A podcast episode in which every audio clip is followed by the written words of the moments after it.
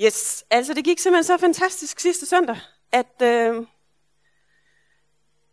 at øh, Lene og jeg, vi er helt sikre på, at det Lene hun sagde sidste søndag, det var der nogen her i kirken, der skulle høre. For det havde Gud både talt med mig og med Lene om. Øh, så sådan kan det gå. Men øh, jeg havde også bedt Gud om, om øh, han ville vise mig, om jeg skulle det ene eller det andet. Så nu får jeg det andet, fordi Lene hun tog det ene i søndags. Sådan er det. Uh, vi skal snakke lidt om det her med at uh, være menighed.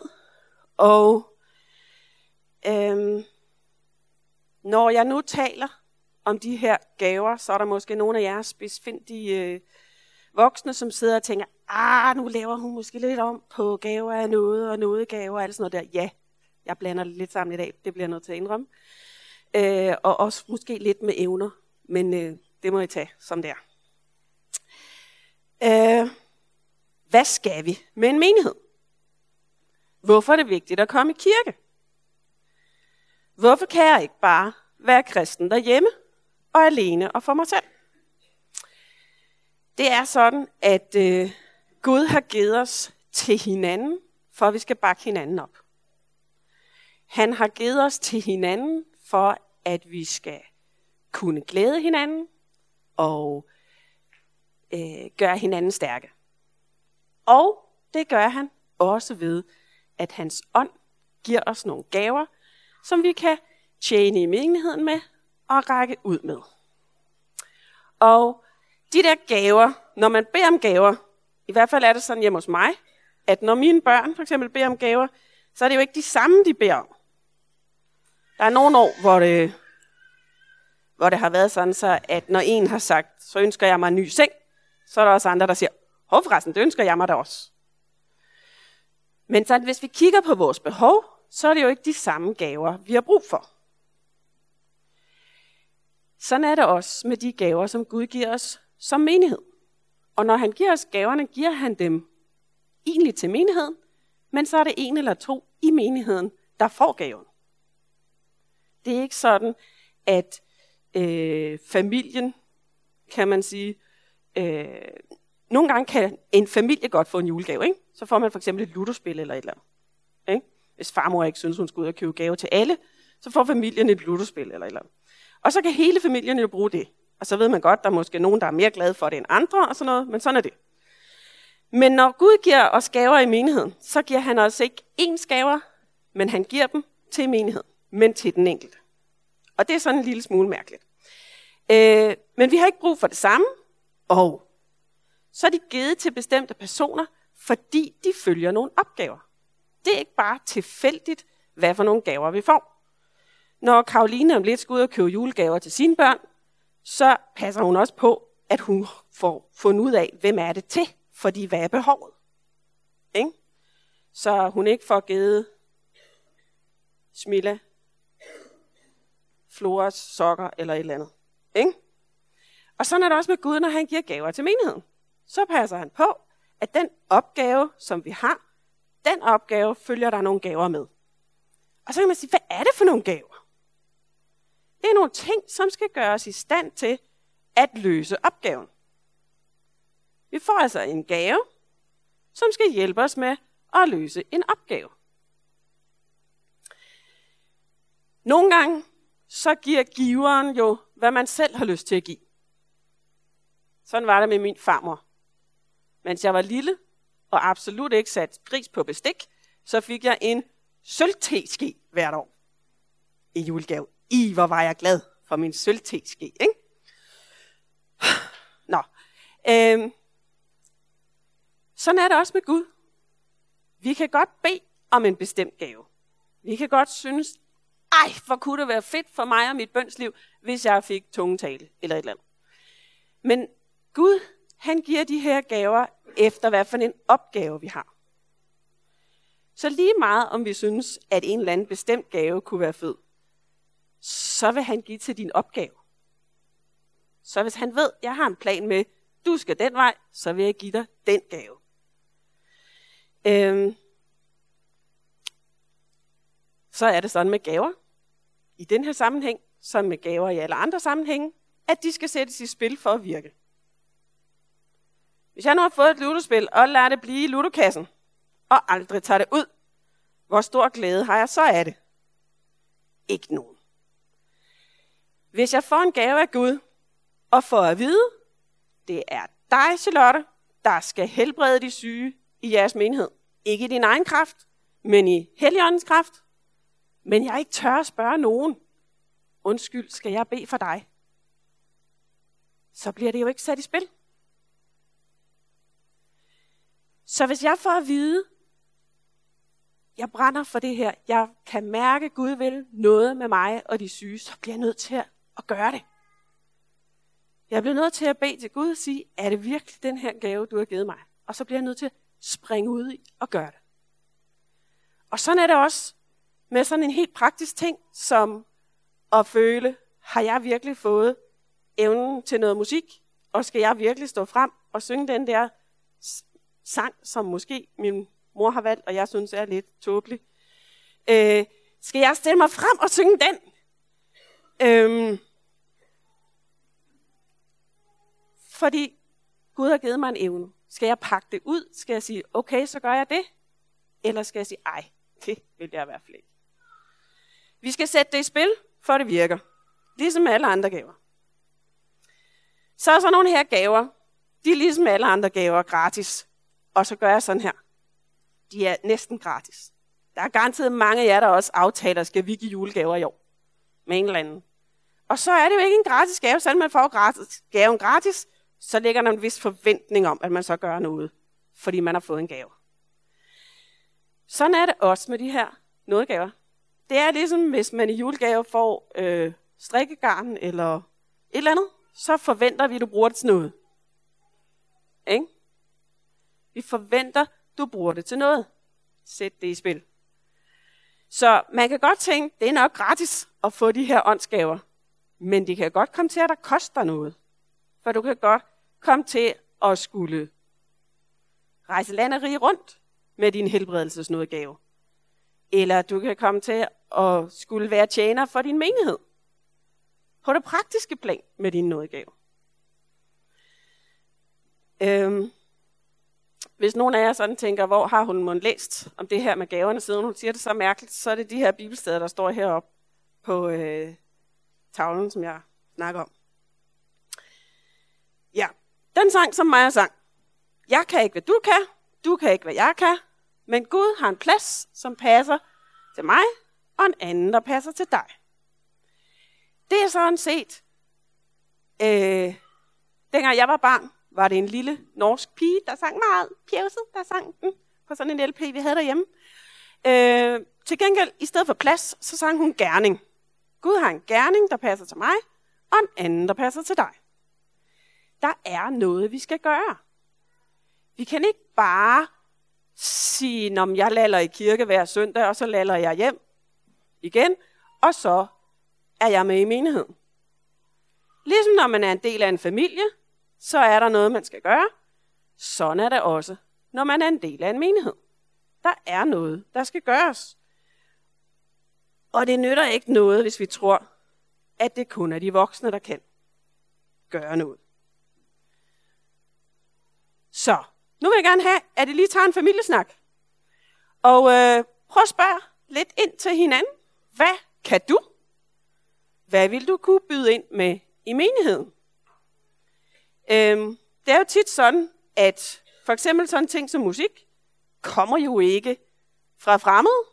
Det er tit noget som nedarves, og man er i et miljø og sådan noget der. Øh, så det vil i mange sammenhænge være sådan, at nogle af jer familier vil kunne sige, vi kan det her. Øh, og det gælder for os alle sammen på et eller andet plan. Men det kan også være, I helt forskelligt. Det kan også være, at nogen kan sige, jeg kan fortælle om Jesus i børnehaven, som jeg har skrevet heroppe. Eller det kan være, der er en, der vil kunne sige, jeg er helt vildt omsorgsfuld. Jeg ser alle. Prøv lige at snakke om i familien. Hvad hver enkelt kan. Så må det godt være sådan, at jo ældre man er, desto mere spiller man ind med, hvordan vil det kunne bruges i menighed i jeres snak. Tre minutter til det. Godt, tiden er ved at være gået.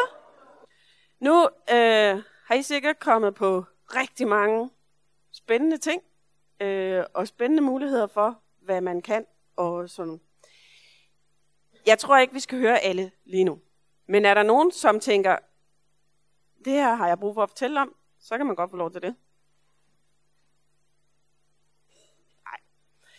Øhm, I Bibelen, og de der skriftsteder, som jeg startede med at vise, jeg ligesom har taget ud fra, øh, der, der står der ligesom om nogle bestemte gaver, som ånden giver øh, til menighedens opbyggelse. Og en af dem er tro. Og så tænker jeg sådan lidt, ja, altså,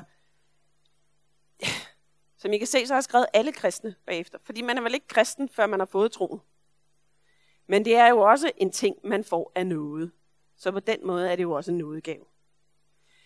Øhm, og så er der det her med undervisning, altså meddele visdom, meddele kundskab. Så er der noget, der hedder helbredelse, altså at være den, der kan bede for syge, ikke ved at gøre det i sin egen kraft, men I gør det i åndens kraft igen. Ikke? Og mægtige gerninger, for eksempel at få havet til at ligge stille, når der bølger på, eller få dyr til at gøre noget, som dyr normalt ikke gør, eller et eller andet. Det er sådan nogle ting, som vi, altså det med mægtige gerninger, sådan nogle ting, som vi oftest hører om, hvis, hvis der virkelig er et kæmpe behov. Det er ikke sådan en gave, man får, hvis det i virkeligheden ikke er nødvendigt, vel? Øhm, og det tror jeg egentlig heller ikke, de andre er, men det er bare sådan en gave, hvor man virkelig lægger mærke til, at det er sådan, det kører. Profetisk tale betyder at kunne tale ind i menighedens fremtid, eller ind i menighedens liv, øh, og ligesom at kunne vejlede nogen. Øh, og det samme i, med at bedømme ånder betyder så netop, at man kan øh, mærke, om det vi er på vej ind i er en skidt vej eller en god vej og sådan ting. Øh, og de ånder, der er i menigheden, om det er de gode, altså om det er Gud, der øh, gør det. Og så er der den her mærkelige tungetale ting. Hvor mange af jer har hørt tungetale? Det er der alligevel mange, der har. Jeg har lyst til at forklare det sådan her. Det lyder som et fremmed sprog, som lyder lidt, lidt, lidt meget fremmed for vores. Det lyder ikke som norsk eller sådan, vel? Det lyder lidt meget fremmed. Øhm, og så kan dem, der taler tungetal, jo ikke engang altid forstå hinanden, vel? Øh, så det er min ånd, der taler med Gud. Ånden i mig, eller ånden i den, der taler i tunger, taler med Gud. Og det er jo ikke alle, der vil kunne forstå det. Øhm, og Paulus siger om den her nådegave med tungetale, at det er den eneste, som han ligesom lukker lidt udefra, at det er til menighedens opbyggelse. Fordi hvis der ikke er nogen, der kan tolke det, altså kan forklare det, siger han, så er, der ikke, så, så er det ikke noget, der skal bruges i menigheden, så skal det bruges derhjemme. Til din egen opbyggelse. Ja, så er der ledelse og barmhjertighed og giversind og at formane, sådan retlede nogen, nu synes jeg, at du er på den forkerte vej, eller sådan. Og så tjeneste. Og den der med tjeneste er jo den, som Jesus bedst har vist os helbredelse og mægtige gerninger og tjeneste. Ikke? Det var noget af det, som man sådan tænker, det var det, Jesus gjorde. Ikke? Han gik virkelig foran med mægtige gerninger og med helbredelse og med tjeneste. Det var ham, der bukkede sig ned og vaskede de andres fødder. Hvem af os har nogensinde tilbudt en fra vores menighed at vaske deres fødder? Ikke? Når de har været i støvede sandaler i Israel i 40 graders varme. Og... Uh. Nå, så kan man spørge sig selv, hvordan skal jeg så finde ud af, hvad det er for en nådegave, Gud har tænkt til mig?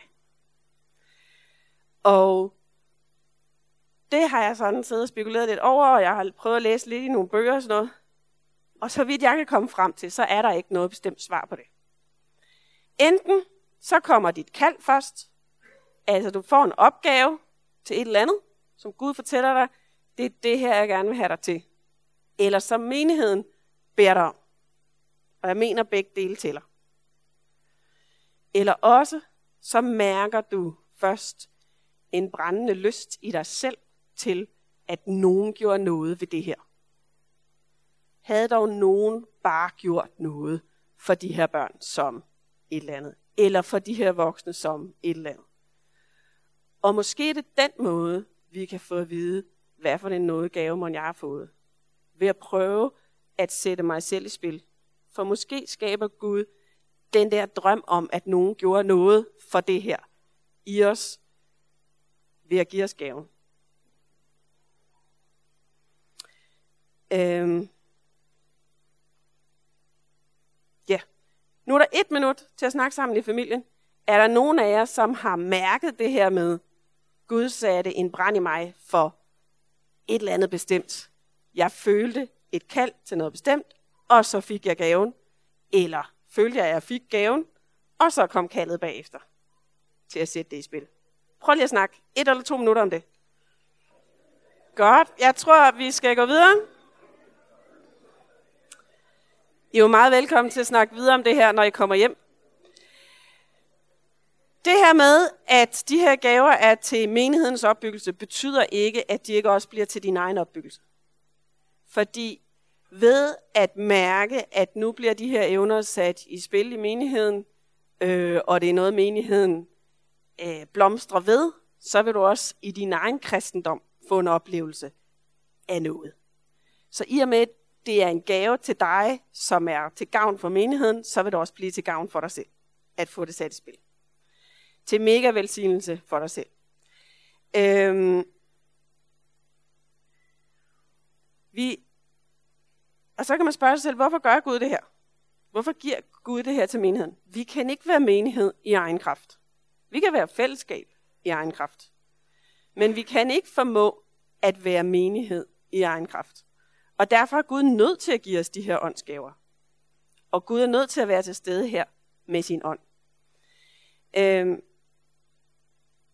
de her opgaver, dem ville vi køre surt i, og vi ville køre tom i dem, hvis ikke det var fordi, at ånden gik ind og gav os nogle ting, og udrustede os til dem.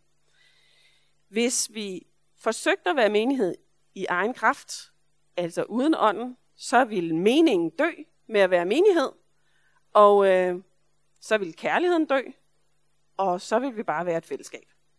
Og det er jo også godt med fællesskaber. Vi mennesker har brug for fællesskaber. Men det er jo ikke derfor, vi kalder os menighed, for at være et fællesskab. Øhm, ja. Vi kan ikke det hele med det samme. Det er ikke sådan, at lovsangslederen, første gang hun er lovsangsleder, er den bedste lovsangsleder i verden, fordi hun har fået et kald af Gud. Sådan er det ikke. Jeg har endda hørt om folk, som har fået at vide helt konkret af Gud, det er dig, der skal være øh, helbreder.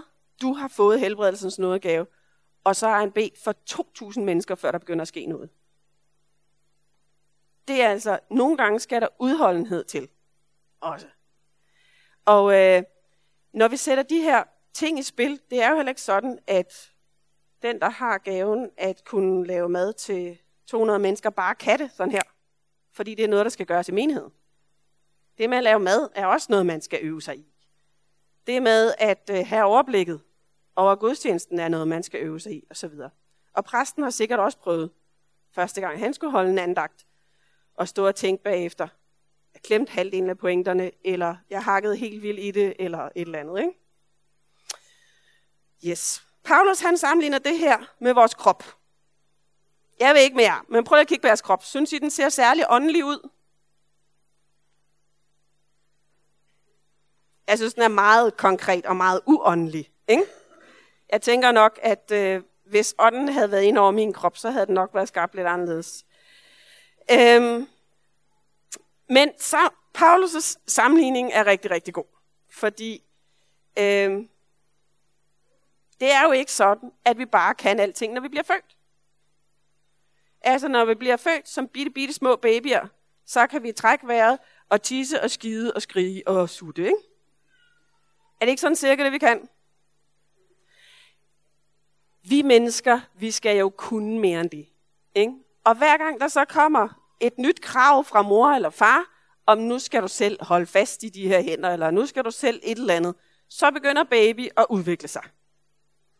Hver gang der stilles et nyt krav, så begynder jeg at kunne lidt mere selv, for så vil jeg egentlig godt kunne leve op til det der krav. Så jeg knokler mig til at kunne leve op til det der krav. Og øh, vores krop kan i virkeligheden rigtig, rigtig meget.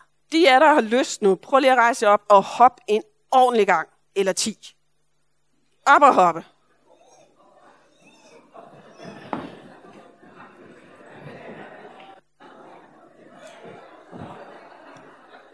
Godt. Og nu har jeg mikrofon på, så nu må jeg hellere lade være. Og dem er der dårlige ører. Prøv lige at holde jer for ørerne. For prøv lige at skrige.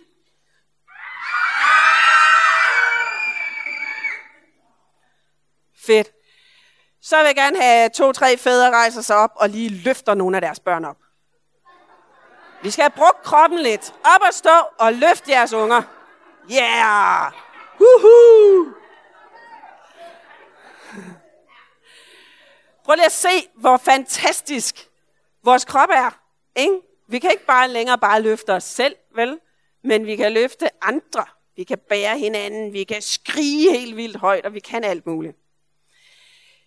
Øhm, Paulus han laver den her sammenligning, fordi, tror jeg, at han vil have os til at forstå, at vi kan ikke alene. Han sammenligner os med en krop og siger, der er ikke nogen af kropsdelene, der sådan set kan klare sig uden de andre. Det betyder ikke, at man ikke kan klare sig uden en pegefinger. Men det betyder, at pegefingeren kan ikke klare sig uden de andre. Der kan godt være en krop, som ikke har en pegefinger. Og det kan man sagtens få de andre til at fungere bedre og bruge de andre mere effektivt og undvære pegefingeren. Men man vil hele tiden blive mindet om på en eller anden måde, i hvert fald i den første tid, hvis det er noget sådan, der forsvinder, at man ikke har sin pegefinger. Men pegefingeren kan jo ikke leve uden kroppen. Pegefingeren kan ikke bare sige, okay, nu er det mig og mig alene, og så smide alt andet af, vel? Og så få et fantastisk liv alene. Paulus han siger, hvad nu hvis foden pludselig følte, ah, men altså, jeg er ikke hovedet, så jeg tæller nok ikke. Øh, nej, du skal heller ikke være hoved, du skal være fod, siger Paulus. Eller, jeg, øret siger, jeg er ikke øje, så jeg kan ikke høre.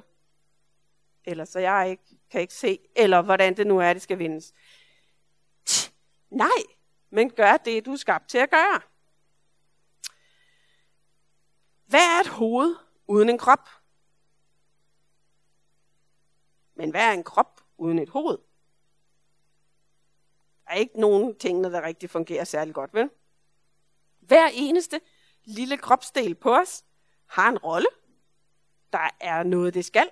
Hver eneste del af os har noget, det skal. Ellers ville det ikke være blevet skabt.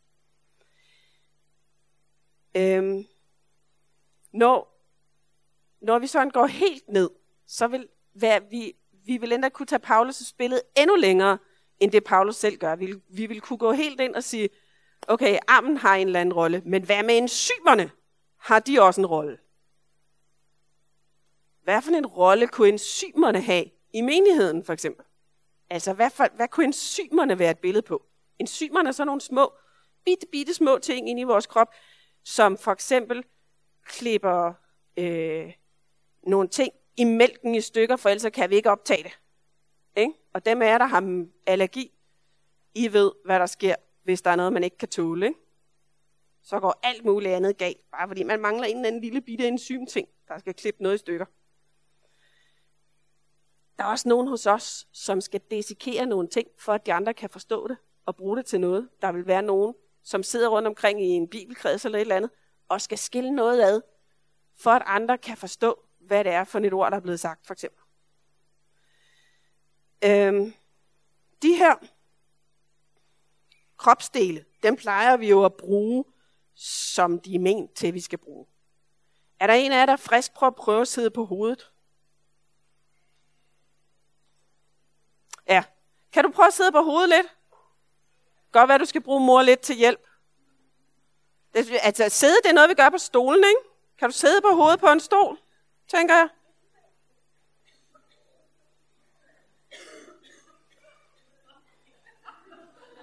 Ej, hvor er det flot. Tror du, du bliver træt?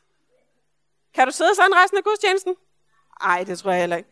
Det er faktisk sådan, at, at nogle af de ting, altså, som vi er skabt til, logikken er der.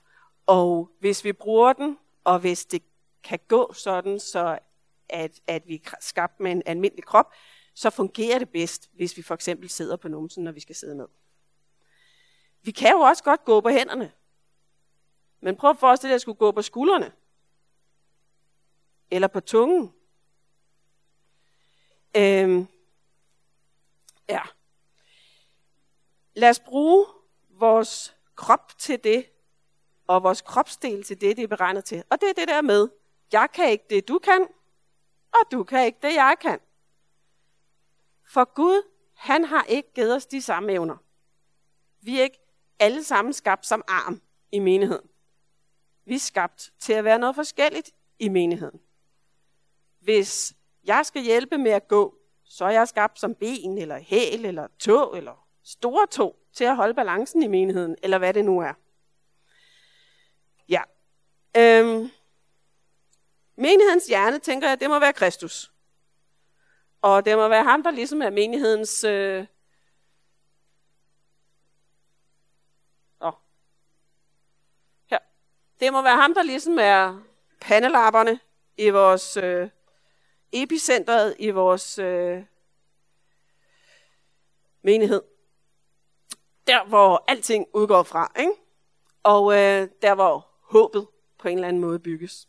Men nu kunne jeg godt tænke mig, at I to en familiesnak om en eller anden lamestel, som I kunne finde på at bruge som billede. Det behøver ikke at være en af dem i Bibelen. Men ligesom jeg før prøvet at sige, alt muligt andet kunne måske også bruges fra lægemet som et billede på noget, der kunne være en opgave i menigheden. Øhm, og der er altså ikke noget rigtigt eller forkert i det her, fordi hvis man nu tager benet for eksempel, så kunne benet jo være den, der går med evangeliet. Ikke? Men benet kunne lige så godt være den, der bærer kroppen videre. Altså den, der er med til at styre menigheden et nyt sted hen og ind i fremtiden.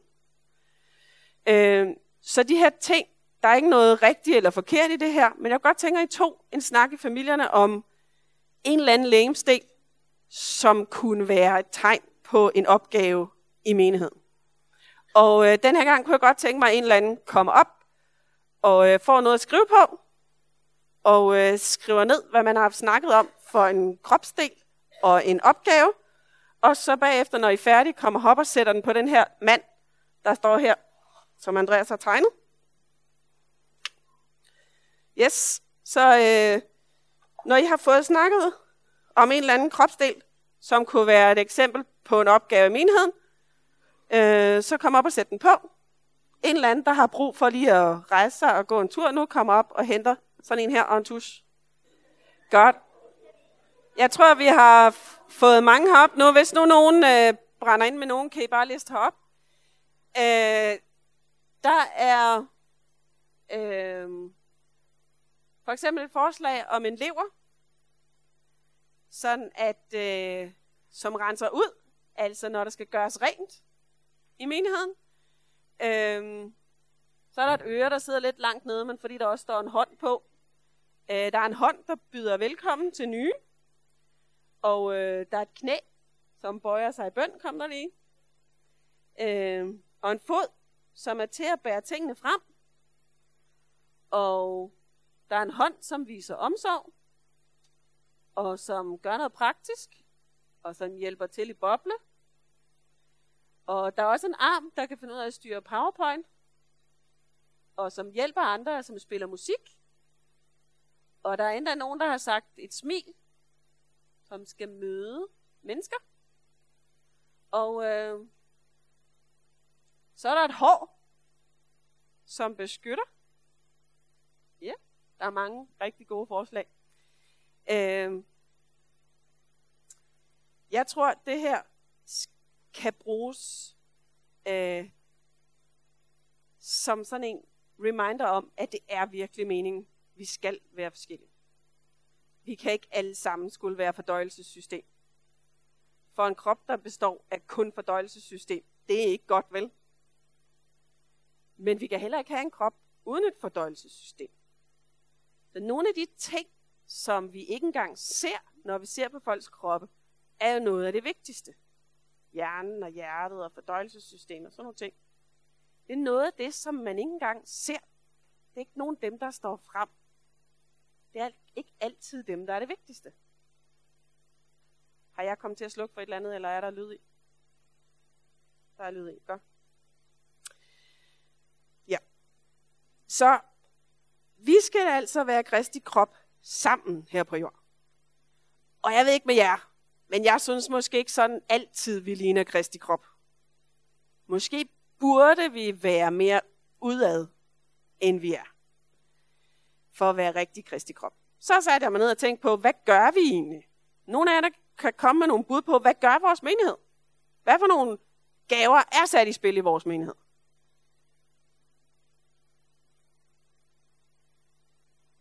Lene. Gospel Kids. Så er der noget med noget musik og noget invitation til fremmede og noget øh, liv og glade dage, både i menigheden og for dem selv. Yes, der er sat nogle gaver i spil. Bilvask. Altså noget af det her med at række ud. Forkyndelse, der bliver forkyndt hver søndag her, ikke også? Hyggekrog. Vi får inviteret andre ind. Vi får sagt, velkommen hos os.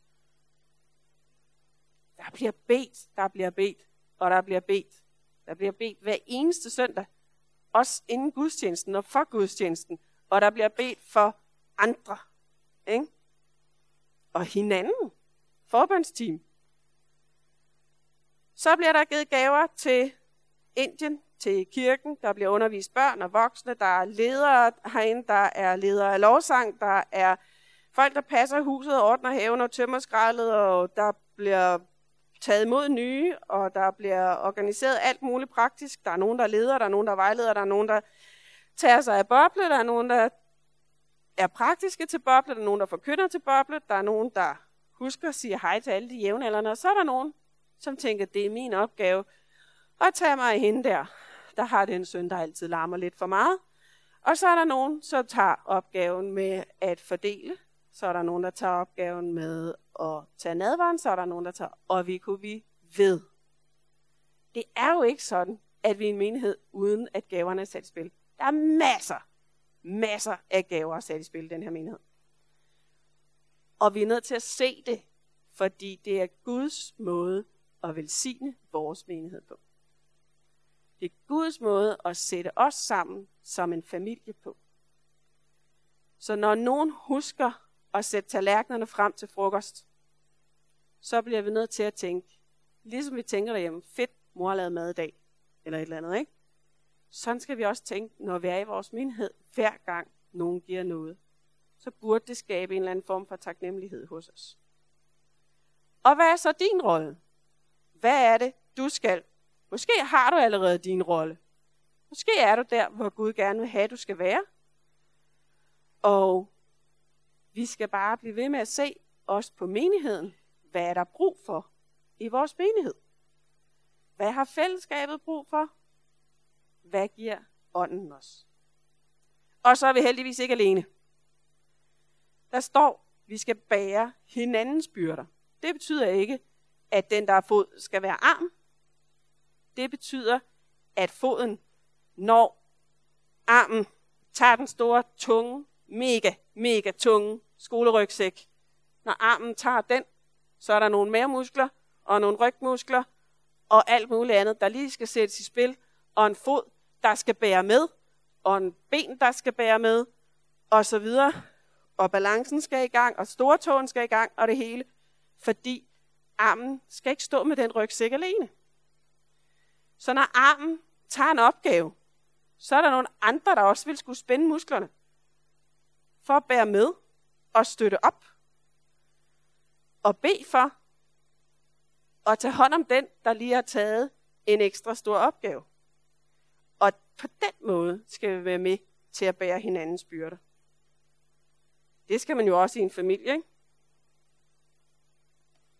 Når nogen en periode har en eksamen eller et eller andet, så er der nogle andre, der lige skal gå ind og tage noget ekstra i den periode. Øh, og sådan er det også, når vi i menigheden starter noget nyt op, eller noget på en eller anden måde koster noget ekstra, så skal vi andre støtte op om det.